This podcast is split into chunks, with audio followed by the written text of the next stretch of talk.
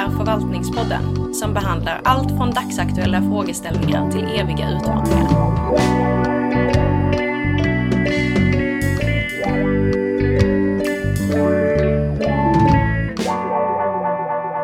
Då hälsar vi välkomna till ett nytt avsnitt av Förvaltningspodden som är det första i en ny serie.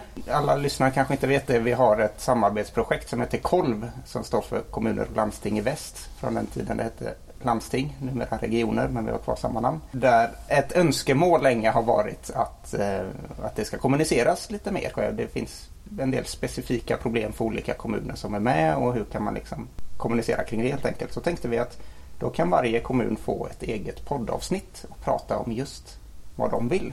Och det är det vi ska göra idag. Och det är det första som sagt i den serien och då är det Öckerö kommun. Börja med Ö. Och med oss har vi Jan Utbult som är kommunstyrelseordförande på Öckerö, kristdemokrat. Välkommen. Tack. Med oss har vi också Louise Skog som är forskare hos oss på Förvaltningshögskolan som, eh, som jag har varit med i podden tidigare. Och lite relevant här är för att du precis håller på att dra igång ett projekt om landsbygdsutveckling kan man kalla det så. Ja, om relationen mellan stad och land. Så det vi specifikt fokuserar på är eh, lokalisering av service eh, och liksom olika överväganden som kommer in när man ska lokalisera service. Mm. Och med oss också eh, långväga gäst ända från Varberg eh, är Anders Källgård som är Får se om jag kommer ihåg rätt, nesofil. Ja, det, det låter inte så smickrande Nej, ord, det men gör inte det. det, gör inte det. Nej, men det betyder öälskare efter det grekiska ordet för ö, Nessos. Just det, och författare också och har precis på med en ny eh, upplaga av din bok med kartläggning av alla Sveriges öar. Det Ja. får du berätta mer om, mer om sen. Eh, jättekul att alla, att alla ni kunde vara med och att vi hittade en tid. Jag tänkte börja med Jan. Eh, om du vill berätta lite vad... Eh, du sa att du ville prata om samhällsbyggnad på öar. Den här frågan kom ju upp i förvaltningshögskolans råd där jag sitter och eh, utifrån då mm, den här frågan är ju, är ju ganska unik för, för våran kommun just för öar. Eh, I Sverige så finns det ju bara två kommuner som inte har en fast förbindelse till eh, fastlandet och det är Öckerö och det är Gotland. Och eh, jag tänkte att det, det här, just det här ämnet finns ju ingen annan kommun i vårt upptagningsområde som, som kan prata om så därför tyckte jag att det passade bra. Och sen så har vi ju eh, både stora styrkor i våran kommun med en fantastisk miljö men våra styrkor är också en stor del av de utmaningar som vi har och står inför. Så därför tycker jag att ämnet skulle passa bra för oss. Och det är, gissar jag, har mycket med just att det är, att det är en ö att göra som är speciellt. Alltså att det är lite avstånd till, till saker och så. Eller? Ja men precis, en ökommun har ju sina speciella utmaningar. Mm. Och Louise, om du säger kort lite mer om ditt... Eh, Jag gillar att Projekt det ska betonas att jag ska hålla mig kort. Men eh, om projektet då Ja. eh, kan jag säga, men just det här som jag var inne på lite. Att vi ska studera lokalisering eller lokaliseringsbeslut eh, när det kommer till offentlig service. Och där kommer det ju in sådana här frågor som var ska servicen ligga? Och då hamnar det ofta i, liksom i samhällsdebatten då, som målas upp som att det står mellan två poler. Att det handlar om effektivitet kontra någon sorts närhet eller lokal anpassning. Att det ska finnas ja, alla medborgare ska ha nära till en god och kvalitativ service.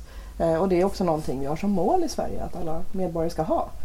Eh, idag ser det inte riktigt ut så. Det finns stora vari- variationer över landet i hur nära um, servicen är. Och också tyvärr i kvaliteten, den varierar stort. Och det hänger ju inte alls samman så som man önskar med hur mycket man betalar i skatt kanske. Det kan vara de som betalar mest i skatt som har sämst tillgång till service. Ehm, så någonstans här eh, kommer vi in och ska studera hur de här övervägandena går till. För att det finns ju helt legitima skäl till att man inte har råd. Det är kostnader som kommer in i det. Man har inte råd att tillhandahålla service till alla på alla ensliga platser som kan finnas. Ehm, men man kan också förstå medborgare som önskar det, att det skulle finnas den närheten. Och det handlar inte bara om bekvämlighet utan det är ofta service som till exempel byskolor och så. De är ju också kopplade till identitet och liksom en tecken på att bygden lever och har en framtid och kanske kan attrahera nya medborgare. Lägger man ner det, så det är få frågor eh, som när man lä- lägger ner sådana här serviceenheter som blir så konfliktfyllda i Sverige idag. Och trots att de är så konfliktfyllda så är de så understuderade. Det är lite det som vi eh, sa precis innan vi började spela in här syftet med det här avsnittet och, och eller egentligen den här serien också med kommuners olika problem. Att det finns ju det är väldigt lätt att gnälla på kommunpolitiker eh, när någonting går fel. Men som vi sa innan att de kanske inte ville lägga ner BB i Sollefteå till exempel då, utan att de kanske var tvungna.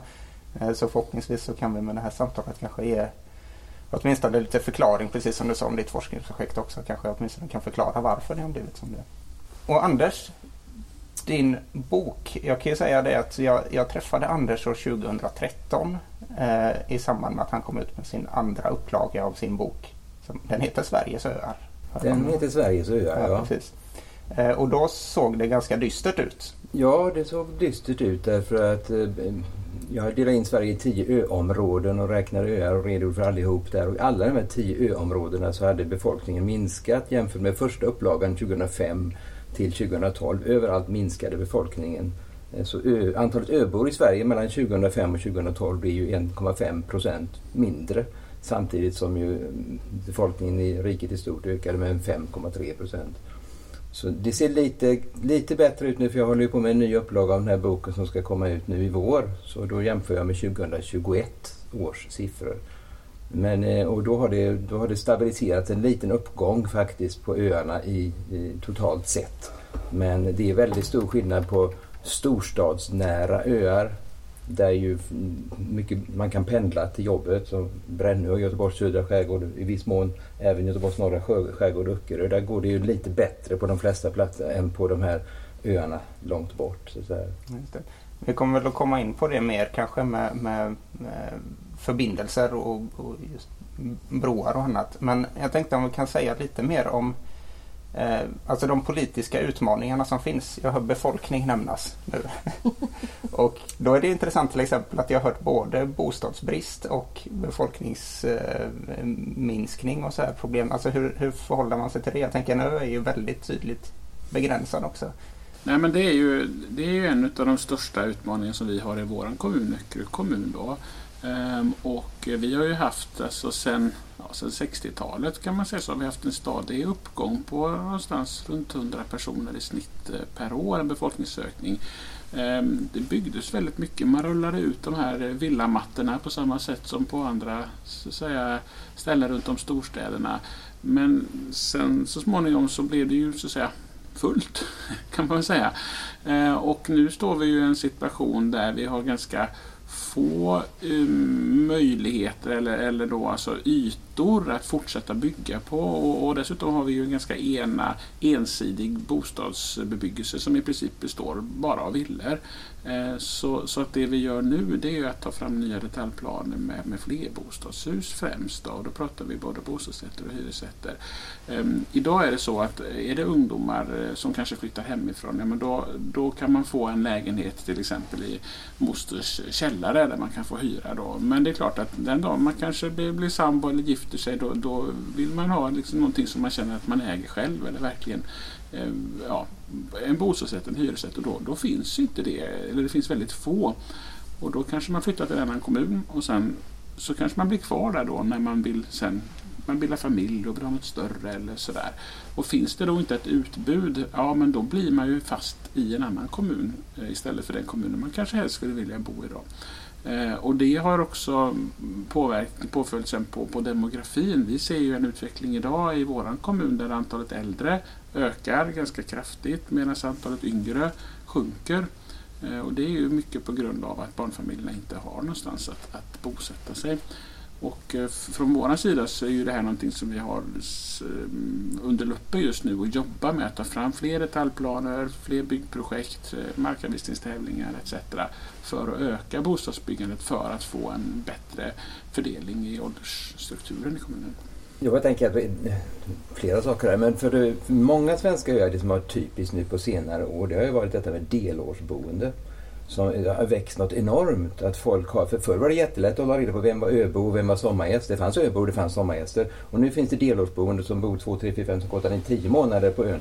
Och de skriver sig ibland inte på ön utan de skriver sig på fastlandet och då går all kommunskatt till fastlandet där de är skrivna. Och det här tror jag är en stor grej, det här med delårsboende. Jag vet inte hur det är just med Öckerö kommun, men jag vet att på många andra öområden så är det ett, ett, ett bekymmer hur man ska hantera det här. Många som, och det, det gör ju också att priserna trissas upp väldiga som på Koster där de mer eller mindre har ett uppror nu, de unga med den här Facebookgruppen och sånt här och, och, kräver boplikt. Det vill säga att man ska inte få köpa ett hus om man inte tänker bo där fast. Mm. Som finns i delar av Norge och sånt där. Och det, det tänker jag också på om man pratar läget i Sverige. Och vilka skillnader det är. För jag har stuckit emellan under de här 22 åren som jag har kommit till Sverige så jag har även gjort Danmarks och Norges. Och det är en väldig skillnad. Alltså i, man kan ha Tunö, en ö på, med 111 invånare i Danmark. Och de har egen skola, de har egen läkare, de har egen tidning, de har eget öl.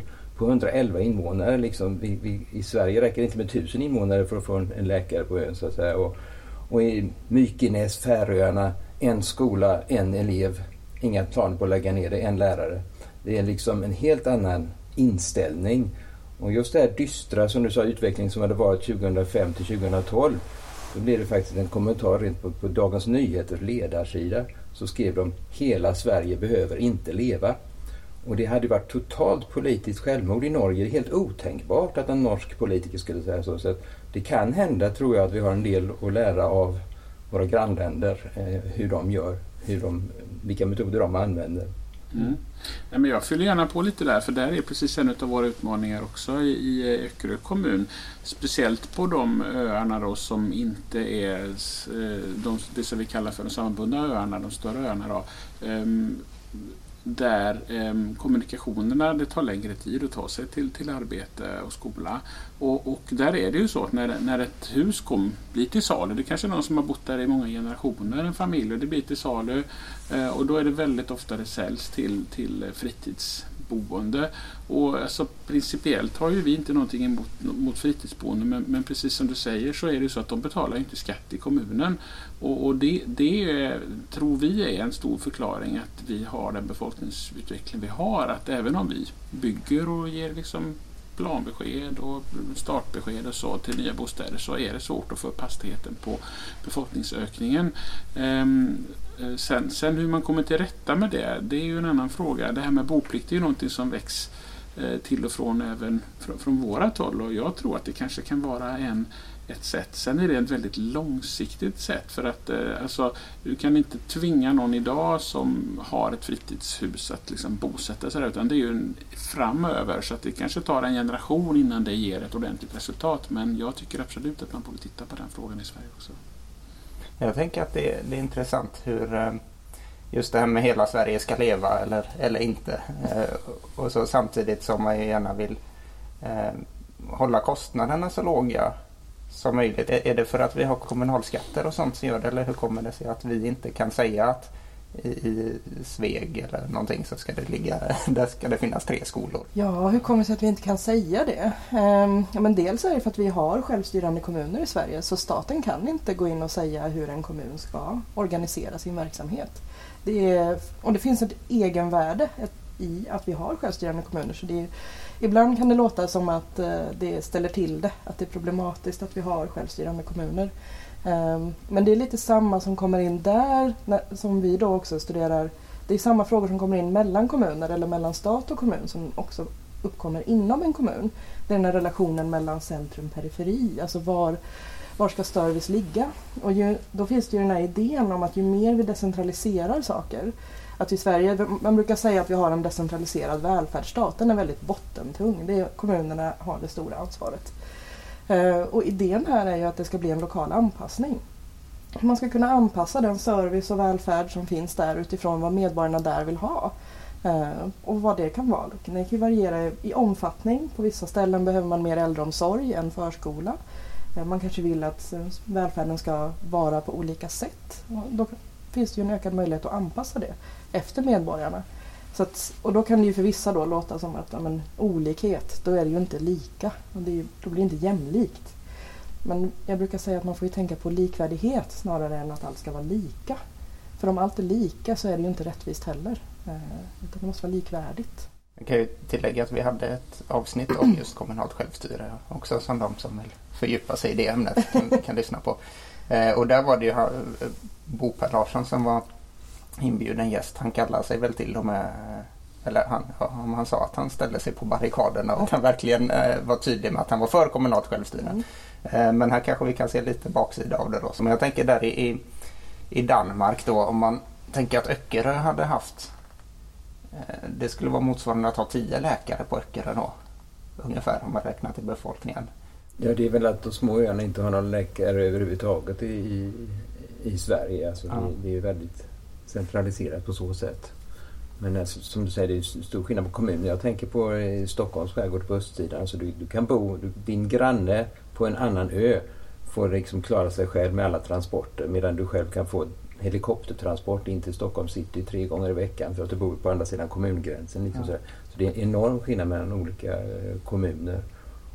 I Norge är boplikten, där har ju varit kommunal också så där har kommunen bestämt om det ska vara boplikt eller inte. Medan det i Danmark, om jag har fattat rätt, har varit en nationell boplikt då så att man mer eller mindre tvungen då, till exempel på Bornholm. Men det kan ju, det kan ju också bli nackdelar det för går man till Born och tittar på Bornholm så finns det jättefina hus som är billiga men de står och förfaller för ingen vill ha dem.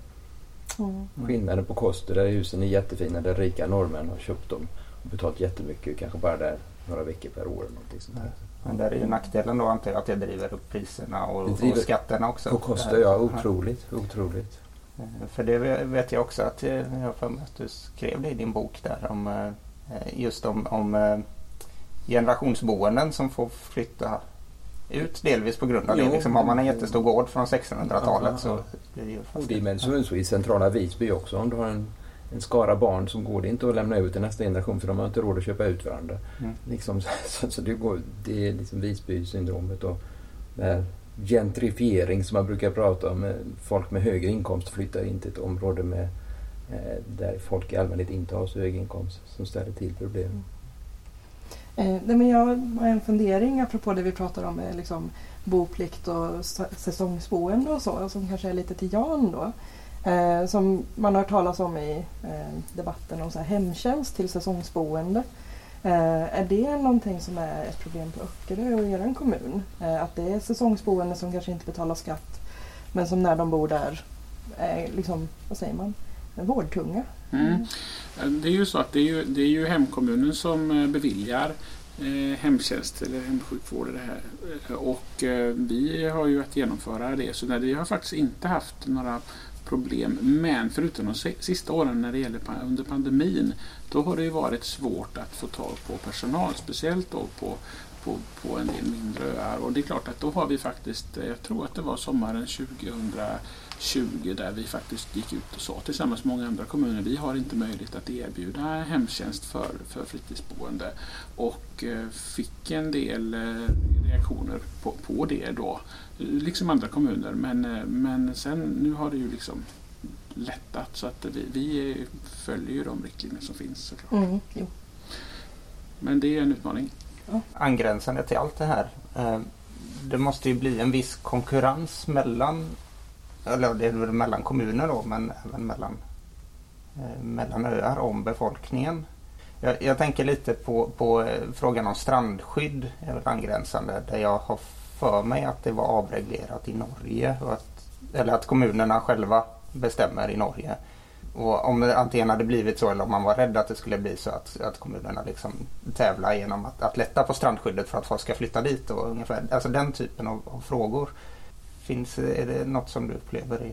Ja, inte på det sättet. Utan jag, jag tycker nog att kommunen, jag kan se upp till vår egen kommun, att vi är nog eh, liksom ganska återhållsamma med att bevilja alltså, byggnation strandnära.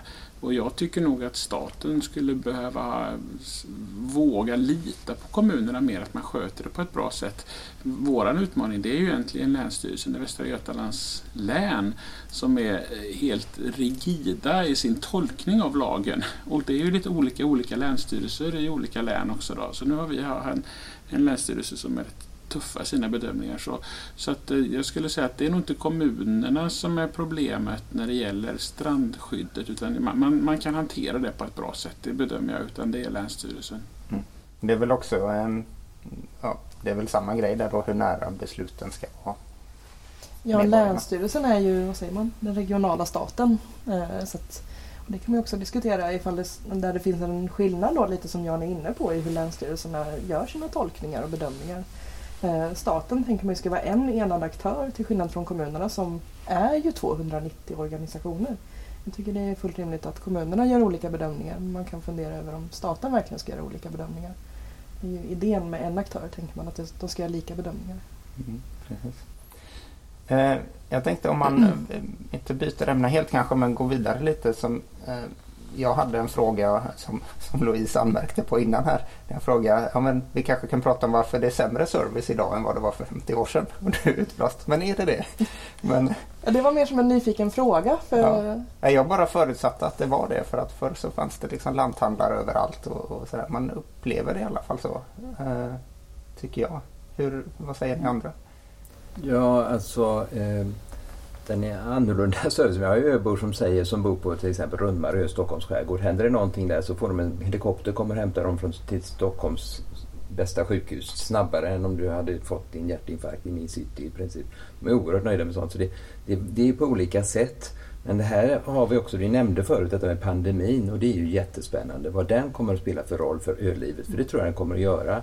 För den har inneburit till exempel att gamla människor som har suttit ensamma på öar i princip har lärt sig beställa maten digitalt och fått den levererad. Och det har blivit en helt, en helt ny grej att eh, just som du pratar om lanthandlare och affärer. Det har faktiskt blivit mycket bättre på grund av eh, pandemin. Så det finns organisationer för att handla digitalt och sådär. Och på små öar så är det ju också folk som har flyttat ut som coronaflyktingar och de har blivit kvar, flera stycken, lite här och där. Folk som antagligen blir helårsboende då. Men, men det är ju mer kanske mindre öar jag pratar om än, än om Öckerö som är liksom stor ökommun med rätt relativt stora öar trots allt. Mm. Men om man ska gå till, till, till min kommun, då, till våran kommun, så är det också lite olika på olika öar. Jag skulle nästan backa tillbaks låt oss säga 50-60 år. Ehm, och före det så var ju fisket det som var det dominerande på, på våra öar och egentligen längs, längs hela Bohuskusten och jag tänker många öar även på ostkusten. Alltså det, var, det var det som gjorde att samhällena växte, folk flyttade dit och det var, eh, det var inte bara fisk utan det var ju trankokerier och varv och allting som finns runt om fisket. Och det är klart att har man då en, en, en liten ö och du har en stark eh, fiskeflotta och all näring som är kring den här marina näringen. Det är klart att då, då finns folk på sin ö, de, ehm, de blir kvar där, de åker ingen annanstans så där speciellt mycket. Utan då, och då finns det ju möjlighet för eh, affär, för skola, för, eh, ja, för en annan kommunal service också. Men det som har hänt då egentligen från 60-talet och framåt är ju att fisket har gått ner väldigt kraftigt, speciellt på 70 80-talet. Eh, och det innebär att då, då, då, måste ju folk hitta andra försörjningssätt. Ja, det är klart att, och då är det så att då kanske inte det går att försörja sig på sin ö. Och det är ju det som gör att utvecklingen eh, förändras. För då vill du ju kanske pendla någonstans. Då, och det kanske går ett tag men sen upplever du att det blir för jobbigt att pendla liksom, från Hyppen till Göteborg. Det tar för lång tid. Men vi kan inte bo där. Men då kanske man flyttar till Öcker istället. Och det är klart att, och då blir ju nästa steg, ja men då, ja, men då blir det ett fritidsboende när man flyttar från Hyppen då kanske. Så blir det, så blir det här liksom en ond spiral. Och, och till slut kommer man ju, ja, kan ta Hyppen som exempel. Om, om jag inte minns fel så, alltså när jag var barn då, då fanns det en skola på fanns en skola på nio öar i vår kommun. Ehm, och på Hyppen fanns en skola då och eh, jag, jag, tror att när den lades ner så, så var de tre, tre barn kvar och det var städerskan som liksom undervisade. Så man gjorde verkligen allt för att behålla skolan men till sist, till sist märkte man att det här blir inte bra för barnen. Liksom. Och det är klart att så stängs skolan ja, och sen så några år efteråt, ja, men då är det svårt att hålla liksom, affären öppen och då, då blir det den negativa spiralen.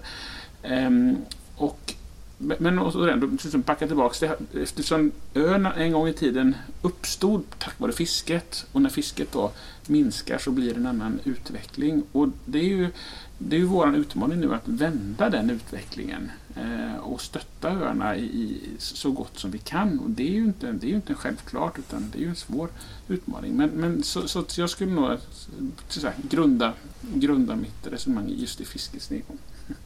Ja, och det är ju globalt detta på öar att 1960-talet var en katastrof. Det som det hände, man kan titta på Kanada, man kan titta lite överallt på Frankrike. Alltså på 60-talet så hände just detta att fisket gick ner, småskaligt jordbruk gick inte längre Eh, och det fanns på fastlandet fabriker, industrier som kunde erbjuda arbeten.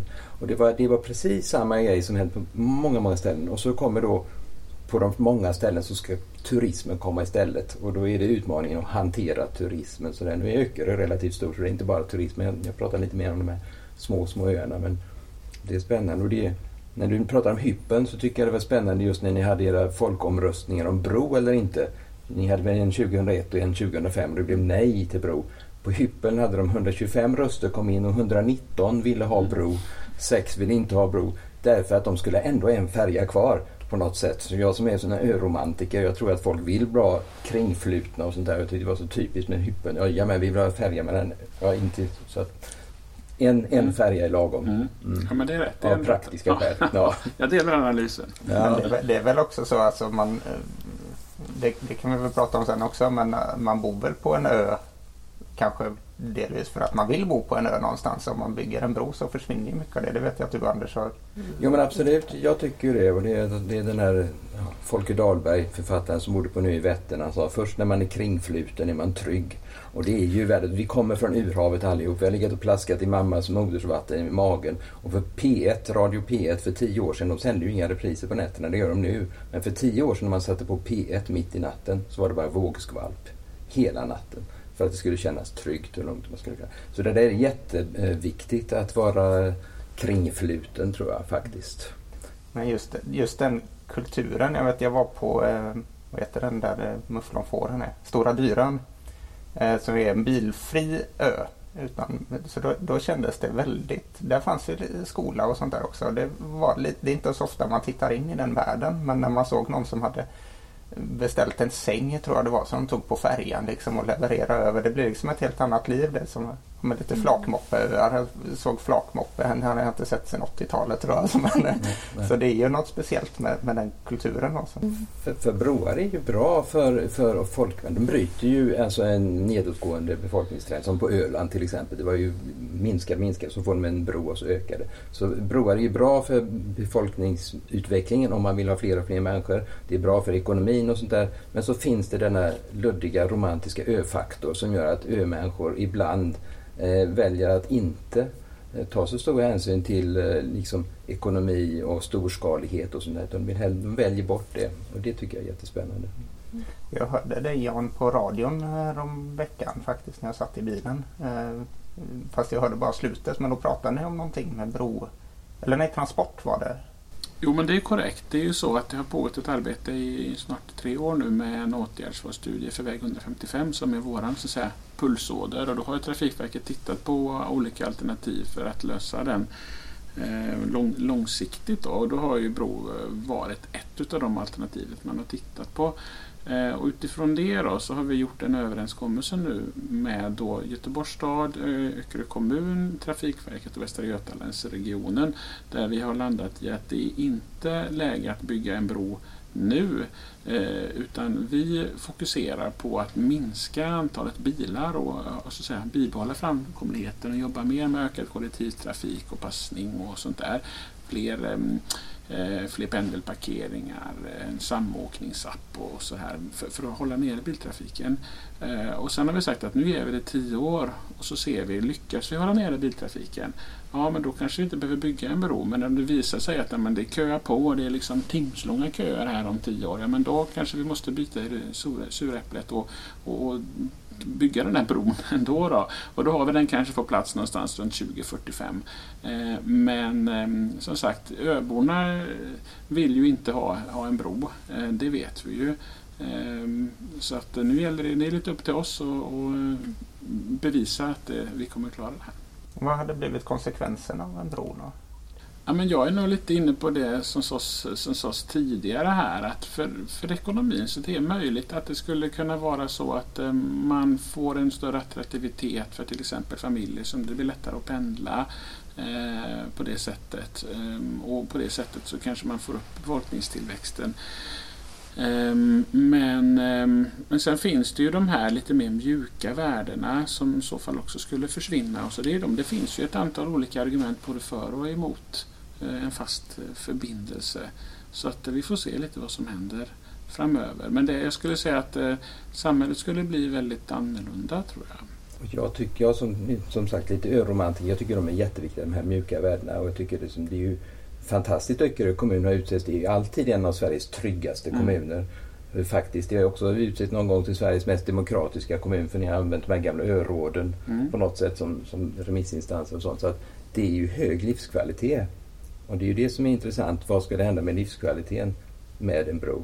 Det finns kanske ett värde i att vara avstängd också. Jag vet vi hade ett lunchseminarium med eh, Siv Sandberg som hade varit på, eh, Åland. på Åland där de har, om jag minns rätt, 17 kommuner totalt. Och det, där är det liksom så att samma person kan vara ha tio olika funktioner. I, så, men, men att det finns liksom ett värde i att alla eh, att, att det blir nära och avstängt. Jag tänker lite det här också att man pratar ibland om att det var bilen som dödade landsbygden. Att då kunde folk köra in. Det kom stora köpcentrum istället som folk kunde åka in och storhandla till istället. Och så, här, och så försvann Lite ungefär som centrumhandeln försvinner när folk... Ja.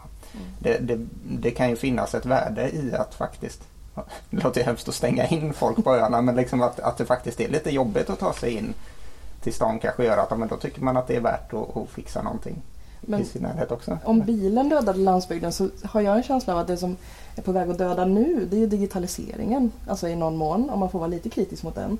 Som ofta lyfts fram som en lösning. Eh, det är liksom, den är så positiv, det är väldigt svårt att vara kritisk mot den. Eh, men jag var och gjorde en förstudie i en kommun i norra Värmland. Eh, där de menade att men, digitaliseringen har många problem också. För den gör ju faktiskt det svårare för oss att upprätthålla service för folk vänjer sig vid att beställa allt via nätet. Så den gör ju också vissa delar i den här kommunen mindre attraktiva. För att, men då går ju ingen och handlar på den lanthandeln som är där för den är ju dyr. Det är lättare att beställa på nätet. Och att göra sina ärenden på nätet. Så att det blir ju också att ja, men det blir ju bara bostäder som är kvar. De här, ja, vad säger man, livsmedelsbutiker, kanske kommunkontor och sånt. Vissa kommuner har ju fler kommunkontor än ett och sådär. Att det går inte riktigt att upprätthålla med digitaliseringen. Så det, den är inte bara positiv eh, skulle jag säga. Den får ju andra effekter också. Mm, Jo, men det var så. Alla vill ha sin lanthandel kvar men ingen vill handla där. Ja, lite så.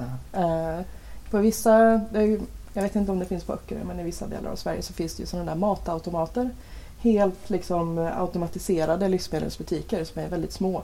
Man i princip loggar in med sitt bank-id för att komma in i butiken och så shoppar man själv och checkar ut sig själv med kortet. Eh, Så, det, så löser det vissa för att ha kvar en handel då, men då är den helt obemannad. Lite som tankstationer som tidigare var en affär också. Ja. Jag tänker lite på eh, alltså kostnaden. Nu har vi pratat lite om, om eh, att inkomsten för öbor med fisket och så här. Men, men alltså det är lite kostnader som är speciella kanske också. Jag läste en gång en kurs i ekonomisk historia som handlar om ekonomisk tillväxt och det som jag tyckte var intressantast där som jag fick lära mig var, som jag inte hade tänkt på innan, varför vissa saker är så mycket dyrare idag än för ett antal decennier sedan. Man brukar säga att någonting kostar skjortan men en skjorta är jättebillig jämfört med att till exempel gå till frisören eller något sånt där. Men att det har att göra med då att vissa saker är lättare att effektivisera än andra. Eh, industri kan man liksom göra robotar som tillverkar skjortor väldigt billigt medan till exempel biobesök är jättedyrt för att en film går ju inte att den blir ju inte bättre för att man spelar den dubbelt så snabbt. Och det gör ju att generellt lite så här service och sånt som är, kräver en mänsklig handpåläggning blir generellt dyrare. Och då tänker jag att det kanske kan spela in också lite för just Ja, det kanske mer landsbygd generellt. Avstånden är lite längre. Man kanske behöver... eh, Men det kanske Ja. gör det dyrare men också är det vad man vill. Om vi pratar om de här mjuka värdena, alltså varför vill man bo på en plats? Det alltså då, man vill väl bo där för att det också finns en känsla av liksom community. Det finns ett eh, samröre där med människor. Eh, om allting bara blir så avpersonifierat, att det är robotar man handlar av och det finns ju olika teknik också för så här äldreomsorg, att det, man kan bli eh, tvättad och duschad av robotar och sådär. Men är det vad vi vill? Är det så vi vill att vår välfärd ska se ut? Eh, det är ju en högst politisk fråga. Liksom. Mm. Men, eh, Eller har vi något val? är också en... ja, det blir också en är fråga. Men någonstans kommer ju allting ner till prioriteringar. Eh, Och jag vet, vet, inte vad som är rätt och fel men ibland så har man ett sätt att prata om det som att det är så fatalistiskt. Eh, vi, det kommer bli så här oavsett vad vi gör. Lite som vi pratar om urbanisering idag, att vi har den här rörelsen från landsbygden till stad eller från eh, glesbygden till centralorten, tätorten. Ehm, men om man eh, gjort, eh, börjat göra en sån här studie då, att hur har man sett på det här över tid? Att när urbaniseringen började så var det inte så man såg på den. Man såg det som att det gick att mota den i grind. Man försökte stoppa den. Ehm, men det där har liksom över tid förändrats hur man ser på den. Nu är det nästan så att man har en politik som driver på den.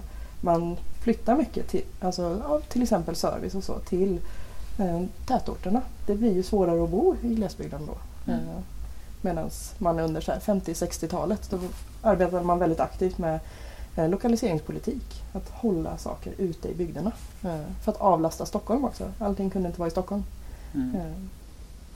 Men, om man tittar på, på Öckerö så har ju vi lite olika utmaningar på olika öar. Tittar man på de sammanbyggda öarna så har vi en, en befolkning som är uppåt en 10-11 tusen liksom på, på de som är ändå. Och där finns ju en väldigt bra service. Vi har mm. mycket livsmedelsbutiker och två vårdcentraler. Och alltså det, vi har en väldigt bra och många skolor och, och förskolor och äldreboenden. Så där har vi en jättefin service.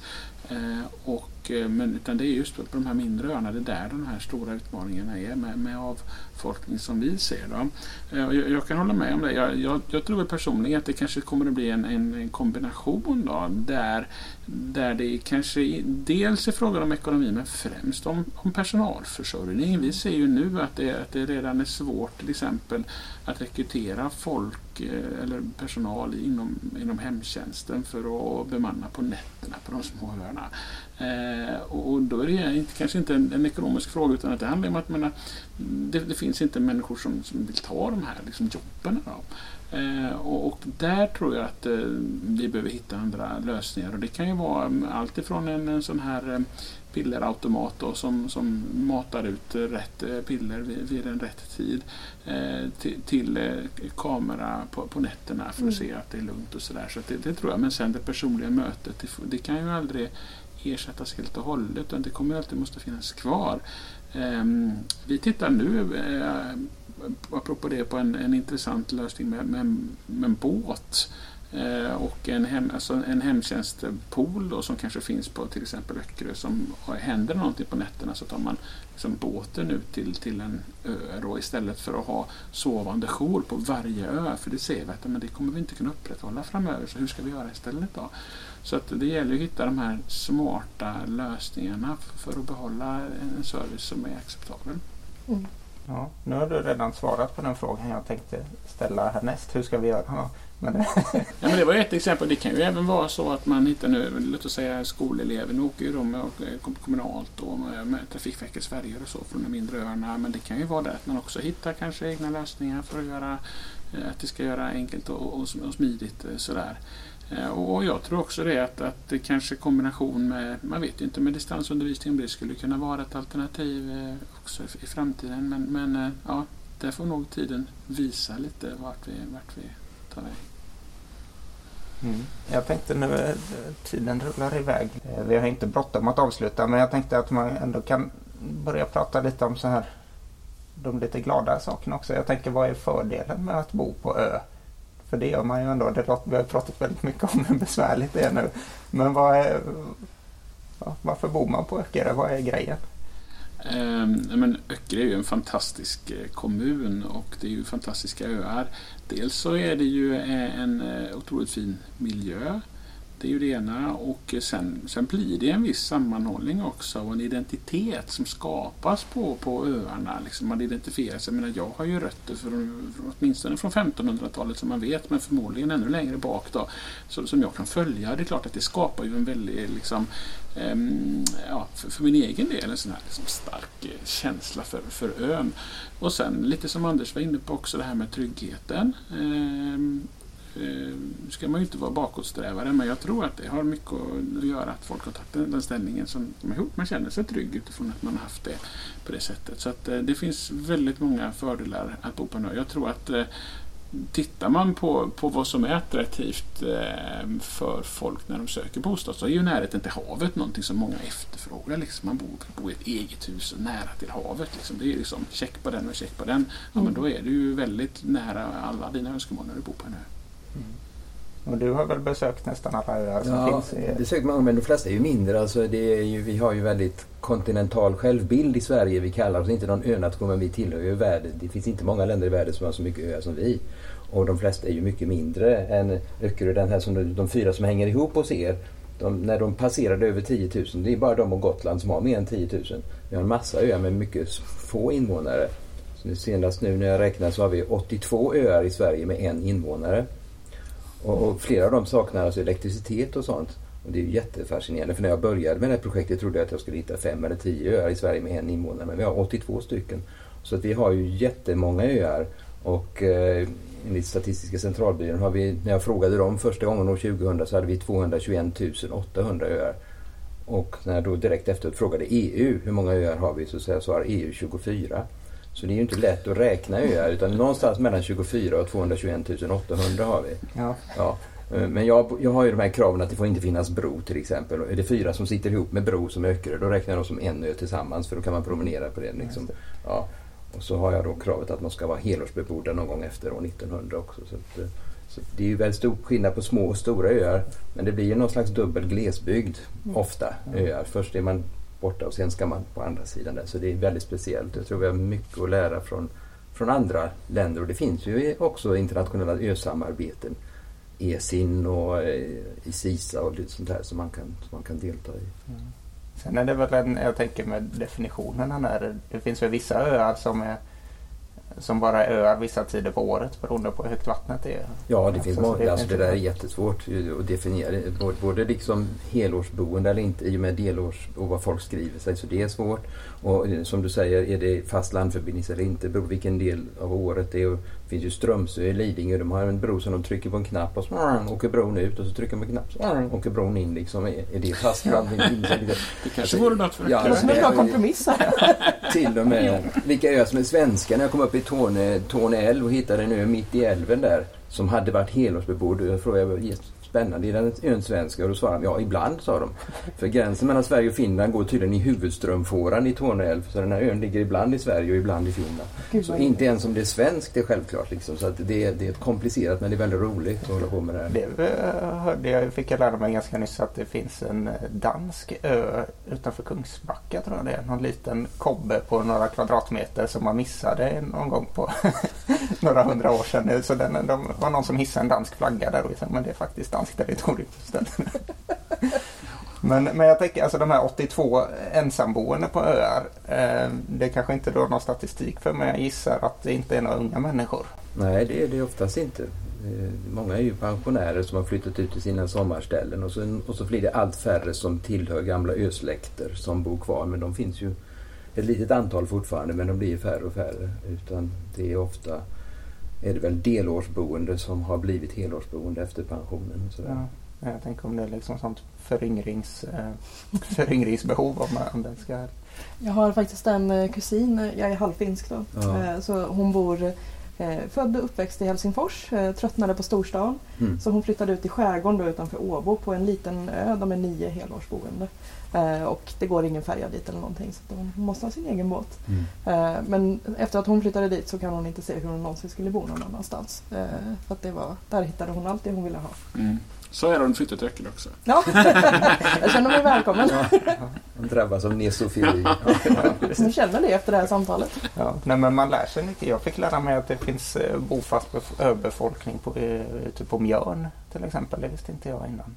Ja, det gör det. Det finns flera stycken helårsboende. Det finns helår, Ja, ja. det gör det. det, gör det. Eh, Det, hade jag liksom, det tänker man inte på när man åker förbi på E20 och tittar ut över vattnet. Där. Nej, Det Det finns finns, som finns bor... både sådana med flerhundraåriga traditioner och det finns någon som flyttade ut bara under, ja, för något år sedan. Ja, Så det finns alla varianter. ja, det är spännande. Eh, Det, finns väl, det är väl, går väl trender i sånt också. Jag tänker alternativa livsstilar. Folk som bor på båt eller i husvagn. Så kanske att ö, Att bo på sin, sin egna lilla ö ute i någon insjö någonstans. Man att det kanske se. blir trendigt. Det har ju varit diskussion här nu med pandemin om att det har blivit en sån här grön våg nu. Att Ja. alla ska flytta ut från eh, storstan. Eh, Jag vet inte om det har märkts på liksom öar att folk har flyttat ut. Eh, Men jag vet att i vissa ja, kranskommuner och så, så har man sett någon sorts rörelse. Jag vet Mm. inte hur stor den rörelsen är men att det finns någonting. Det har hänt mycket på Stora. Det har inte lyst i så många hus i Stockholms skärgård på många, många år som det gjorde vintern 2020-2021. Corona, det lyste överallt. Så det, var, så det har hänt mycket och flera öar som har blivit helårsbebodda på grund av pandemin. Folk som har flyttat ut och märkt att de kan vara där Mm. tack vare det digitala. Så det finns nya öbor lite varstans. Det är spännande att se hur länge det varar. Ja.